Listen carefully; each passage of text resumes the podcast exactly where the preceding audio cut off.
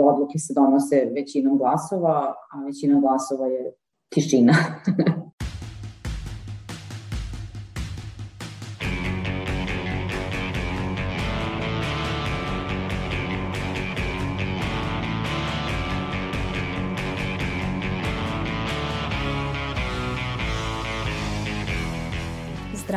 Slušate podcast Reagu i nezavisnog društva novinara Vojvodine.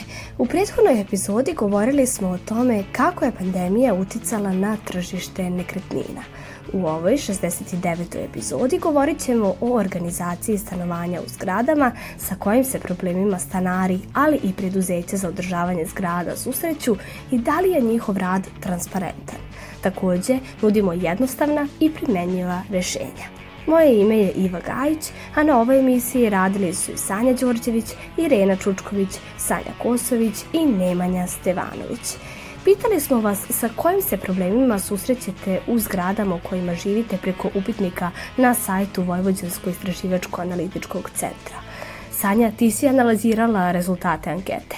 Šta su naši slušalci istakli kao probleme? Pa ovako, najviše vas javilo nam se iz Novog Sada, dok se jedna osoba javila iz Beograda i jedna iz Sremske Mitrovice. Suma koju građani izdvajaju za tekuće održavanje kreće se od 113 do 1100 dinara. Većina smatra da bi za održavanje zgrade moglo da se izdvaja i više, dok nešto manje anketiranih misli da se za održavanje zgrade daje i previše. U većini slučajeva o zgradi računa vodi profesionalni upravnik, a zatim upravnik stambene zajednice, dok par anketiranih nije sigurno ko je odgovoran za njihovu zgradu. Jedna od osoba koja je popunila anketu navodi da je problem i održavanje malih zgrada koje profesionalnim upravnicima nisu interesantne. Zato inicijative za rešavanje ozbiljnijih problema nema. Na pozive za sitne stvari se profesionalni upravnik odaziva, ali ništa krupno se ne dešava, navodi naša sagovornica i dodaje da ni sastanke nisu imali, navodno zbog korone, što je besmisleno, smatra ona jer su se mogli sastajati napolju, navodi. Kao rešenje predlaže da se malim zgradama da mogućnost da se udruže sa ostalim zgradama i da se takvo udruživanje podstiče. Još jedna osoba nije bila zadovoljna svojim profesionalnim upravnikom. Kako kaže, prethodni upravnik bio je vlasnik placa na kome je izgrađena zgrada. Svaki dan je nešto popravljao i trudio se da bude sve funkcionalno i sređeno. Od kako je došao profesionalni upravnik, navodi ova osoba, stanari ne dobijaju ni približno istu uslugu, a plaćaju ga više. Nemaju sastanke, već upravnik sam odlučio o tome šta u zgradi treba da se rešava. Sagornice podcasta Reaguj, koja je želela da ostane anonimna, stanarka je zgrade u centru Novog Sada. Ona objašnjava da zgradom u kojoj živi upravlja firma čim radom nije zadovoljna. Organizacija koja nas vodi je, mogu reći, totalno uh, samo daj pare, a kad se šta desi, mi zovemo. Ja sam ta koja zove, koja im je pre šest meseci dala napismeno 27 smernica šta sve ne funkcioniše, šta se sve održava, šta se dešava u zgradi. A oni su to nešto malo krenuli. E, e, firma koja nas vodi ima licencu direktor, a ti agenti koji konkretno vode našu zgradu, koja ima tri ulaza, nema licencu. Mi nemamo uh, izveštaje, sam tražila završnog računa, tri godine nemamo izveštaje. Protivpožarni aparat je nestao u januaru, sam prijavila da ga nema, do danas nije kupljen i obezbeđen. Ona objašnjava da zgradom u kojoj živi upravlja firma čijim radom nije zadovoljna i da je problem u njenoj zgradi nerealan prikaz broja stanara, odnosno postojanje neprijavljenih stanara. Kako objašnjava, ovo utiče na visinu računa za vodu. U našem ulazu ima više stanara, u drugom ulazu ima manje. A kada vam kažem da jedna baka od 80 godina plaća, plaća vodu u svom stanu za pet osoba, a živi sama, a izdavanje stana na dan, šta da vam kažem, po tome i sve primetbe koje smo dali, Oni su pokušali da naprave kao novi popis koliko ih ima, međutim svi kažu 2, 2, 1, a evo sad ih ima šestoro, na primjer, koji su iz inostranstva došli su kompletna porodica. I naravno tu se živi, tu se troši voda, tu se troši struja, a oni plate na dva člana, a ne na šest. A po računima se vidi. Sagornica podcasta reaguje i objašnjava i zbog čega je sve nezadovoljna radom profesionalnog upravnika u svojoj zgradi. Ja sam tražila da nam se dostavi a, makar jedan primerak a, uslovi obaveze stanara i, i, i njih nikada nisam dobila. Ne, ima na sajtu, pa nemaju babe na sajtu. Ja ću iskopirati, e, daću im da pročitaju, razumete? Ne znam, mislim ovde lupanje, ne poštuje se kućni red. Istaknuto je onda bio da je kućni red do toliko, do toliko. Mislim, prave se žurke, mi prijavimo njima da ono, jedan sat noću, dva, u vreme korone i, i kad nije korona, bila, oni ništa, onda mi moramo da zovemo i ispada da samo nama dvoma, na primjer porodicama to smeta, a drugima ne smeta. Mislim, lako je uh, o, odgovornost prebaciti na drugoga, znate. Kako kaže sagovornica podcasta Reaguj, osim ovakvih problema, nezadovoljstvo postoji zbog mesečne apanaže koja se plaća za održavanje zgrade a za koju se ne zna na šta se troši. Kaže, potpisan je ugovor pre lupom 10 godina kad je zgrada napravljena. Ajde da vidimo taj ugovor. Shvatate, mi sve dobijemo, samo sve je to u redu se, ali ništa konkretno, napismeno, da mi vidimo. A osim loše uprave, problem je i pasivnost vlasnika stanova, koji se ne okupljaju u dovoljnom broju kako bi inicirali promenu uprave. Kakva je uprava, a, takvi su i stanari ne možete, vi živite uh, sa mužem i detetom u stanu i dođe, kaže, danas popodne od toliko do toliko i ujutro od toliko do toliko uh, bit će kontrola stana, stanara. I uh, vi dolazite, mislim, dolazi popis, vi kažete, tu živim samo ja, a živi vaše dete i vaš muž. Eto, A, a ljudi, da vam ne kažem koji renome u gradu, i ljudi su spali da neće da plate, znači njihovih 600-700 dinara plaćamo mi. Ta baka koja ispod njih živi sama, ona plaća za petor. Kultura življenja je ono što naša sagornica izdvaja kao prioritet. Samo treba imati kulture življenja, kulture stanovanja. Moramo imati neke orijente, napiši, taj stan ima toliko članova, ovo je ovoliko plaćanje, te završni. Do danas nismo dobili, a znate kad je bio februar mesec. Nekoliko puta sam baš insistirala. Kaže, znate, ne mogu da kupim aparat za požar, nema se para. Gde su pare? Otišle. Šta, šta smo mi plaćali? Šta plaćam? 239 dinara obavezno održavanje. Šta? Ko je? Kaže, to ste vi potpisali još pre kad je rada ta zidana. Stanarka male zgrade u Novom Sadu, Tamara Injec, u odnosu stanara i upravnika vidi dva problema. Prvi problem je to što profesionalnim upravnicima male zgrade nisu interesantne. Znači, oni ne mogu od nas da traže da izdvajamo 10 puta više novca nego neke stanovi u velikim zgradama, a onda kad se to sve sabere, to je na mesečnom nivou mala količina. Čak i kad smo mi svesni toga rekli da nemamo neka velika očekivanja da sad ta firma obilazi našu zgradu svake nedelje ili svakih pet dana, nego prosto da kad mi skrenemo pažnju na nešto da se to uradi, ne mogu da kažem da se to ovaj, dešava.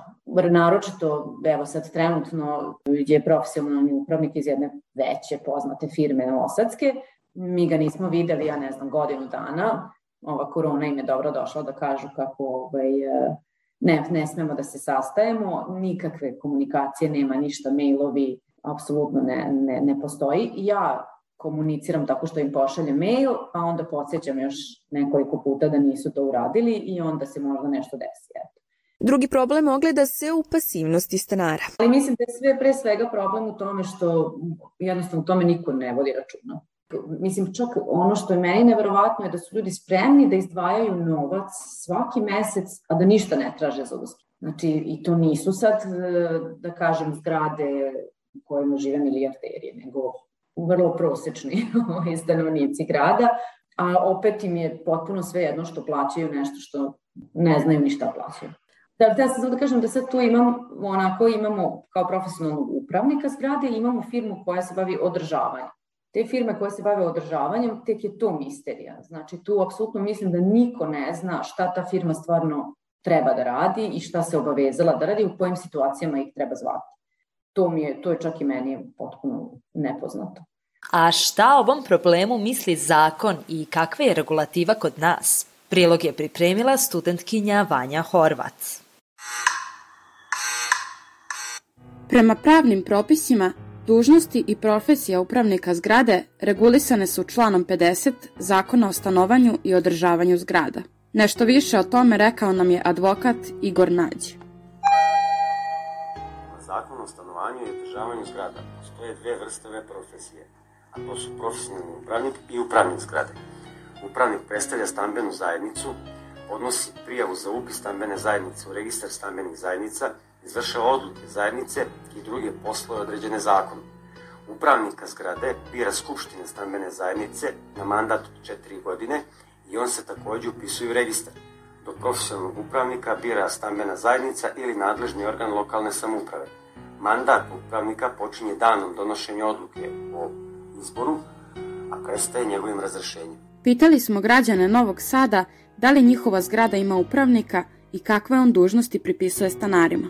Uglavnom mora se poštovati neki kućni red, većina stanara ga i poštuje, ovaj, ima izuzetaka koji ovaj, ne poštuju to, ali oni su u manjini. Neka od pravila u mojoj zgradi uključuju to da ne sme da se pravi buka posle 11 sati, ali kućni red treba da se zna, ne smeju ljubimci da prave buku ujutru, na terasi ne sme da se ostavlja stari nameštaj, ne sme da se ostavlja ništa po hodnicima što bi moglo da spreči druge stanare da se slobodno kreću po zgradi. Do nedavno je bilo aktualno da ne sme da se koristi veš mašine ili tako nešto bučno posle 11 11. Jedino što smo čuli jeste da upravnik zgrade održava sastanke gde su se dogovarali sve vezano za zgradu. Profesionalna upravnica iz Novog Sada, Slađana Nikolić, objasnila je koliko odgovornost sa sobom nosi ova profesija. Novim zakonom o stanovanju i održavanju zgrada praktično skoro svakim članom, svakim svojim potpisom, svakom odlukom, svakim ugovorom, vi ste odgovorni prema toj stambenoj zajednici, prof, upravnici manje nego profesionalni upravnici.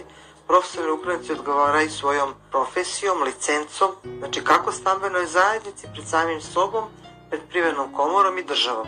Znači svakim svojim pokretom praktično odgovarate i odgovorni ste prema toj stambenoj zajednici i tim vlasnicima posebnih delova.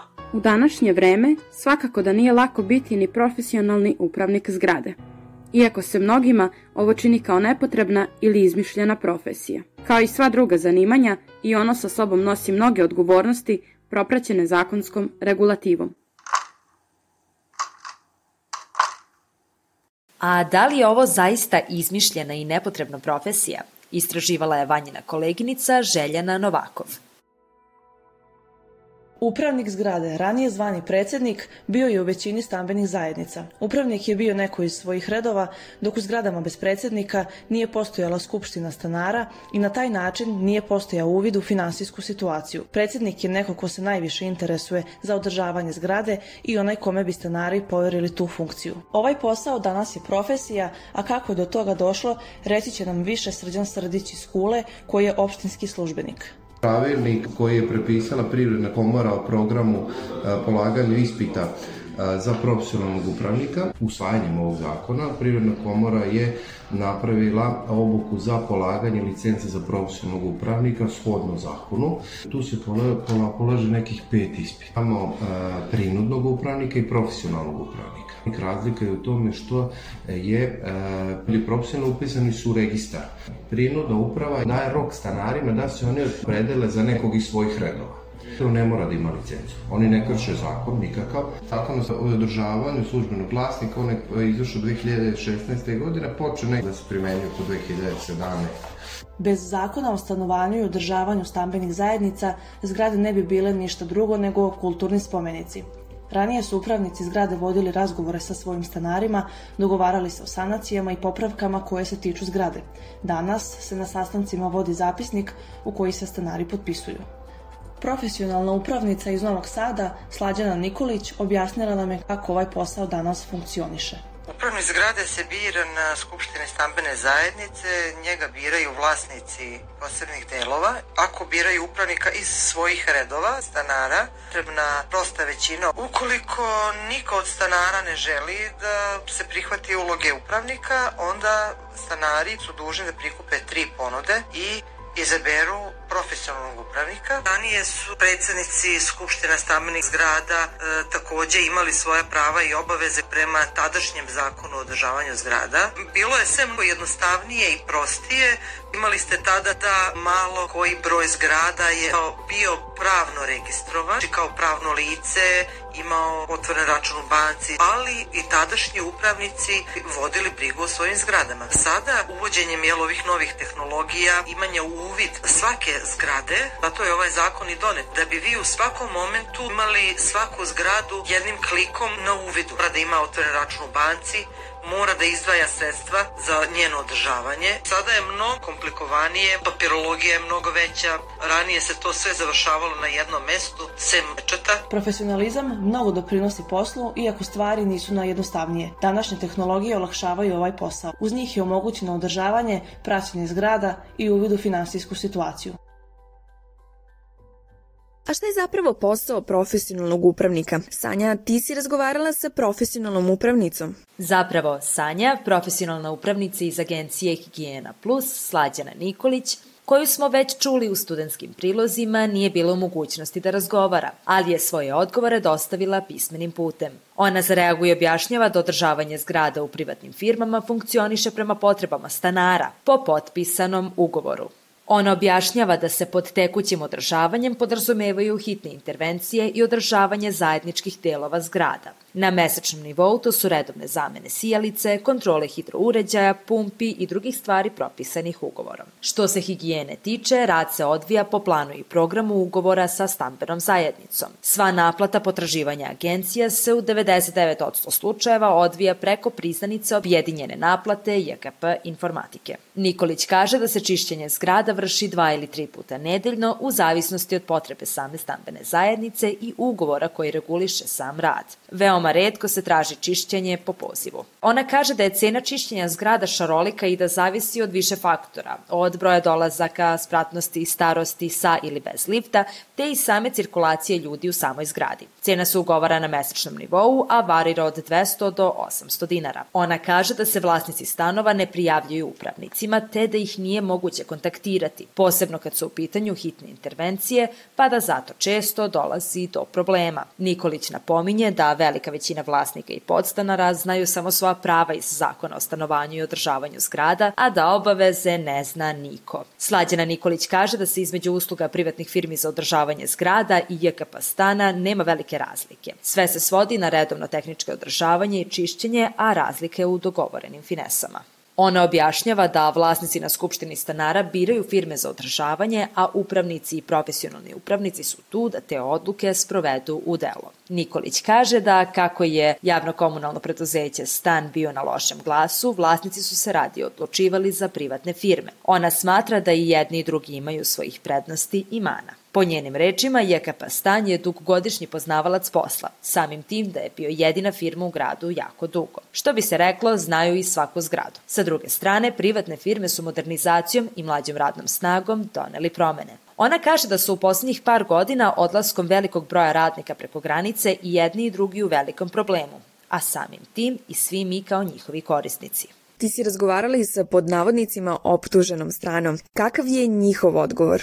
Pa, Sanja, upravo smo zato kontaktirali i JKP stan. Njihov odgovor je prirodno štur. Oni su, poput agencija, takođe rekli da se redovno održavanje zgrada obavlja na osnovu zaključenog ugovora između ovlašćenih predstavnika stambene zajednice i JKP stana ugovoru o stupanju poslova na održavanju stambene zgrade. Iz JKP stana napominju da stambena zajednica ima status pravnog lica, a u članu 42. zakona o stanovanju i održavanju zgrada regulisana je nadležnost Skupštine stambene zajednice. Održavanje higijene u zajedničkim delovima zgrade koje se vrše na osnovu ugovora o stupanju poslova na održavanju stambene zajednice su definisane prilogom ponude koja je sastavni deo ugovora, kao i ostale usluge koje su u okviru održavanja zgrade takođe definisane posebnom ponudom, radnim nalogom ili ugovorom. Oni napominju da se ne mogu precizno izjasniti o razlikama među uslugama koje nudi JKP i koje nude agencije, jer ne raspolažu informacijama kakve to usluge agencije nude. Udruženje građana Grupa za konceptualnu politiku iz Novog Sada, poznata po izdavanju biltena Stanar, od stupanja na snagu zakona o stanovanju i održavanju zgrada 2017. ne bavi se eksplicitno pitanjem stambene zajednice, ali su svoje interesovanje za bolje uslove življenja preneli u širi kontekst mesnih zajednica i lokalne samouprave – Branka Ćurčić iz ovog udruženja navodi da su pri donošenju zakona bili svesni globalnog i regionalnog trenda koje je nametao profesionalno upravljanje stambenom zajednicom, pa je grupa za konceptualnu politiku zajedno sa još 15 organizacija širom Srbije podnela prigovore na ovaj zakon. Jedna od primetbi ticala se i samih upravnika i njihovog rada. Profesionalna uprava može u onu perspektivi ili načinno dobro da, da funkcioniše, ali ono što je ono što je problem je da ti ljudi e, rade u, u, u privatnim firmama, da kod kojih su e, zaposleni. Tu je takođe veliki problem to što većina tih profesionalaca da bi imala pristojnu e, zaradu mora da vodi veliki broj zgrada. Tako da naše iskustvo je da ih ima i onih koji uspevaju da se bave time vrlo dobro i onih koji ne uspevaju. Branka Ćurčić iz Grupe za konceptualnu politiku navodi da su stanari uglavnom inertni i da je samo pitanje odlučivanja stanara o svojim stambenim zajednicama bilo pokretač njihove inicijative. Ljudi se pokreću kada se zaista pojavi nekav problem. Dakle, samu stambenu zajednicu za koju smo mi smatrali da bi za ljude sada u ovoj situaciji kada je stambeni fond potpuno privatizovan i mi smo manje više svi e, kupili svoje stanove još 90. godina i tada kada smo počinjali naša krilatica je bila u poslednjih 20-30 godina smo ostali bez posla, a u narednih 20-30 ćemo ostati bez krova nad glavom. Dakle, to je bila naša osnovna motivacija i mi smo nastojali da sa stambenim zajednicama i sa tadašnjim predsjednicima Skupština stanara zapravo radimo na tom organizovanju i oživljavanju stambenih zajednica, tada Skupština stanara, ali to je išlo jako, jako teško. Dakle, ljudi su dosta inertni u tom smislu i ne, ne posećuju ni sobstvene sednice, odnosno e, sednice stambenih zajednica ili, ili e, skupština stanara koje bi, kako je kažem, trebalo da posećuju na njima da diskutuju i donose rešenja. Ipak Ćurčić navodi primer organizovanja stanara sa novosadske stare detelinare koji nisu dopustili da im se na zgradi koja ima četiri ulaza stavi bazna stanica za mobilnu telefoniju državne kompanije Telekom. Kako Sagornice navodi, samo je jedan predsednik Skupštine stanara dao saglasnost za postavljanje Telekomove stanice, a usto je i falsifikovao potpise nekih stanara. Jedna od stvari koju smo uspeli 2017. da uradimo, a to je pre ovog da kažem, novog talasa zatvaranja svih institucija za građane koje mi danas svedočimo, a to je da smo uspeli da napravimo zajedno sa njima zbor građana u mesnoj zajednici Jugovićevo u dva talasa, zato što je prvi vlast nastojala da, da razbije, dakle da ga onemogući, ali su građani bili toliko zainteresovani za problem da je odmah sazvan drugi koji je i održan i zapravo postoji zaključak mesne zajednice, odnosno zbora građana mesne zajednice da su građani, odnosno stanari, protiv postavljanja te bazne stanice. Međutim, to je, ja mislim, vrlo važna, vrlo važna stvar i mesna zajednica sama i njen savet bi zapravo trebalo da stanu na stranu e, građana i da se izbore zajedno sa njima na, za taj problem. Međutim, tada su se desili prethodni izbori za savete mesne zajednice i potpuno nova garnitura saveta je odustala od toga, zapravo je rekla da nema nadležnosti, da ne želi time da se bavi. Stanari su ipak, prema rečima Branke Ćurčić, uspeli da zaustave postavljanje stanice na krov svoje zgrade, ali i sudskim procesom kao fizička lica protiv tog predsednika Skupštine stanara i kompanije Telekom.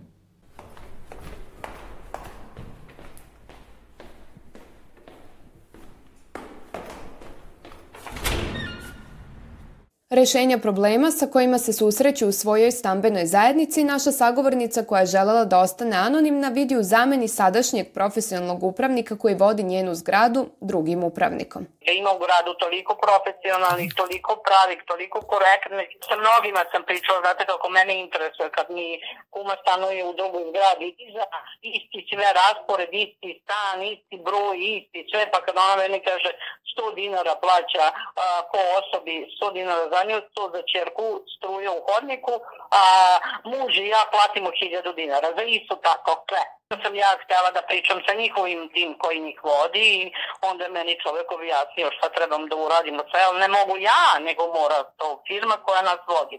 A, a, za šest godina koliko živim ovde, a, ovo je šesta osoba koja nas vodi dolazi predstavlja, zove, piše, sve moram da molim i da izvlačim, ništa nije bilo samo inicijativno.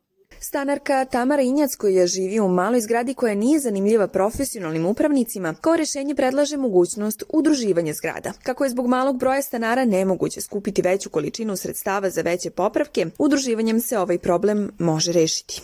Mi smo imali do sada tri različite firme koje su se bavile i manje više isto su se ponašale sve.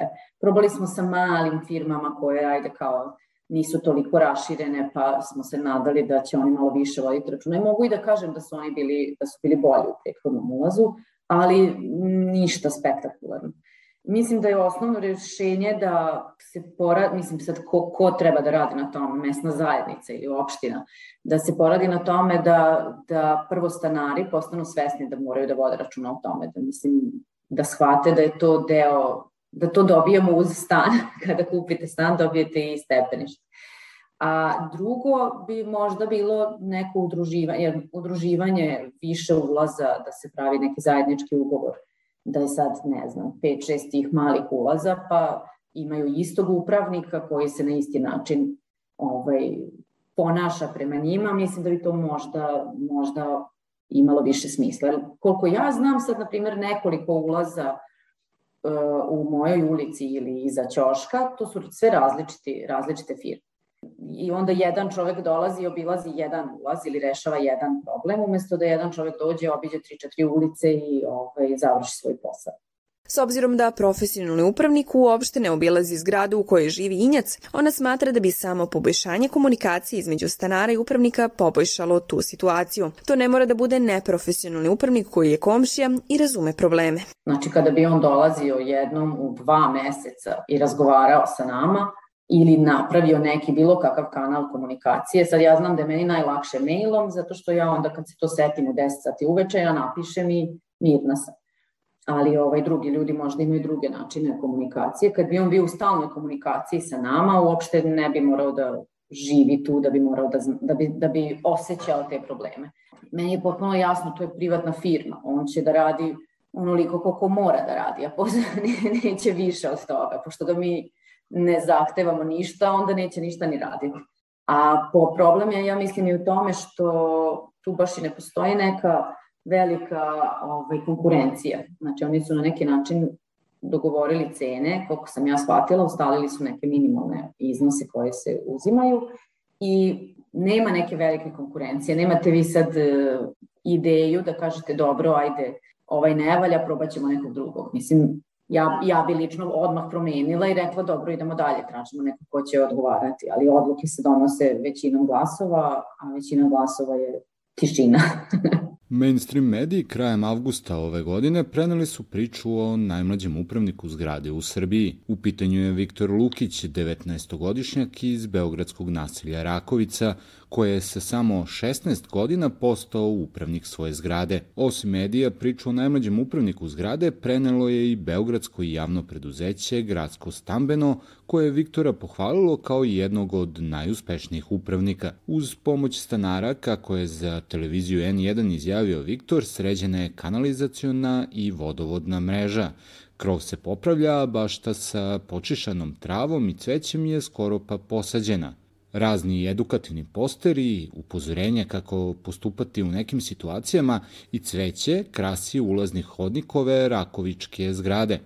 Tiha muzika takođe upotpunjuje atmosferu u ovoj zgradi koja je 2020. godine ponela titulu zgrade sa najlepšim ulazom. Sloga stanara koji se okupljaju oko jednog, sada već 19-godišnjaka, ono je što je veoma pohvalno, a rezultati su sređena i čista zgrada, cvetna bašta, muzika u hodnicima, navodi se u objavi javnog preduzeća Gradsko stambeno. Kao prvi primjer odličnih rezultata navodi ovo preduzeće na svojoj Facebook strani, Viktor ističe slogu i zato se nadamo da će ovaj primer biti pokretač za mnoge, pre svega mlade ljude koji imaju energije i snage da uređuju svoju zgradu, jer ona je zajednički dom svih njenih stanara. Ipak i zgrada u kojoj je najmlađi upravnik zaveo red uz pomoć komšija, kao i mladi koji brinu o svojoj zajednici, za sad su još uvek izuzeci kada je u pitanju briga o zgradama. Ovim primerom dobre prakse završavamo 69. epizodu podcast serijala Reaguj nezavisnog društva novinara Vojvodine, u kojoj smo govorili o organizaciji stanovanja u zgradama. Ukoliko živite u stanu, koliko ste vi zadovoljni organizacijom zajedničkog stanovanja i šta bi trebalo da se promeni? Pišite nam u Facebook grupi Podcast Reaguj ili na mail podcast.ndnv.org. Pratite i naše ankete koje će u budućnosti biti aktivne na portalu voice.org.rs. Slušamo se ponovo sledeće srede, a do tada ne zaboravite da čekamo na vas, vaše komentare, iskustva i predloge tema koje nam možete slati i na Twitteru i Instagramu gde se nalazimo pod imenom NDNV Media Hub ili na TikToku gde smo pod imenom Reaguj Podcast. Naš rad možete pratiti na kanalima na iTunesu, Stitcheru, Castboxu, Sounderu, Spotifyu, Google podcastima, Deezeru, kao i na sajtu podcast.rs.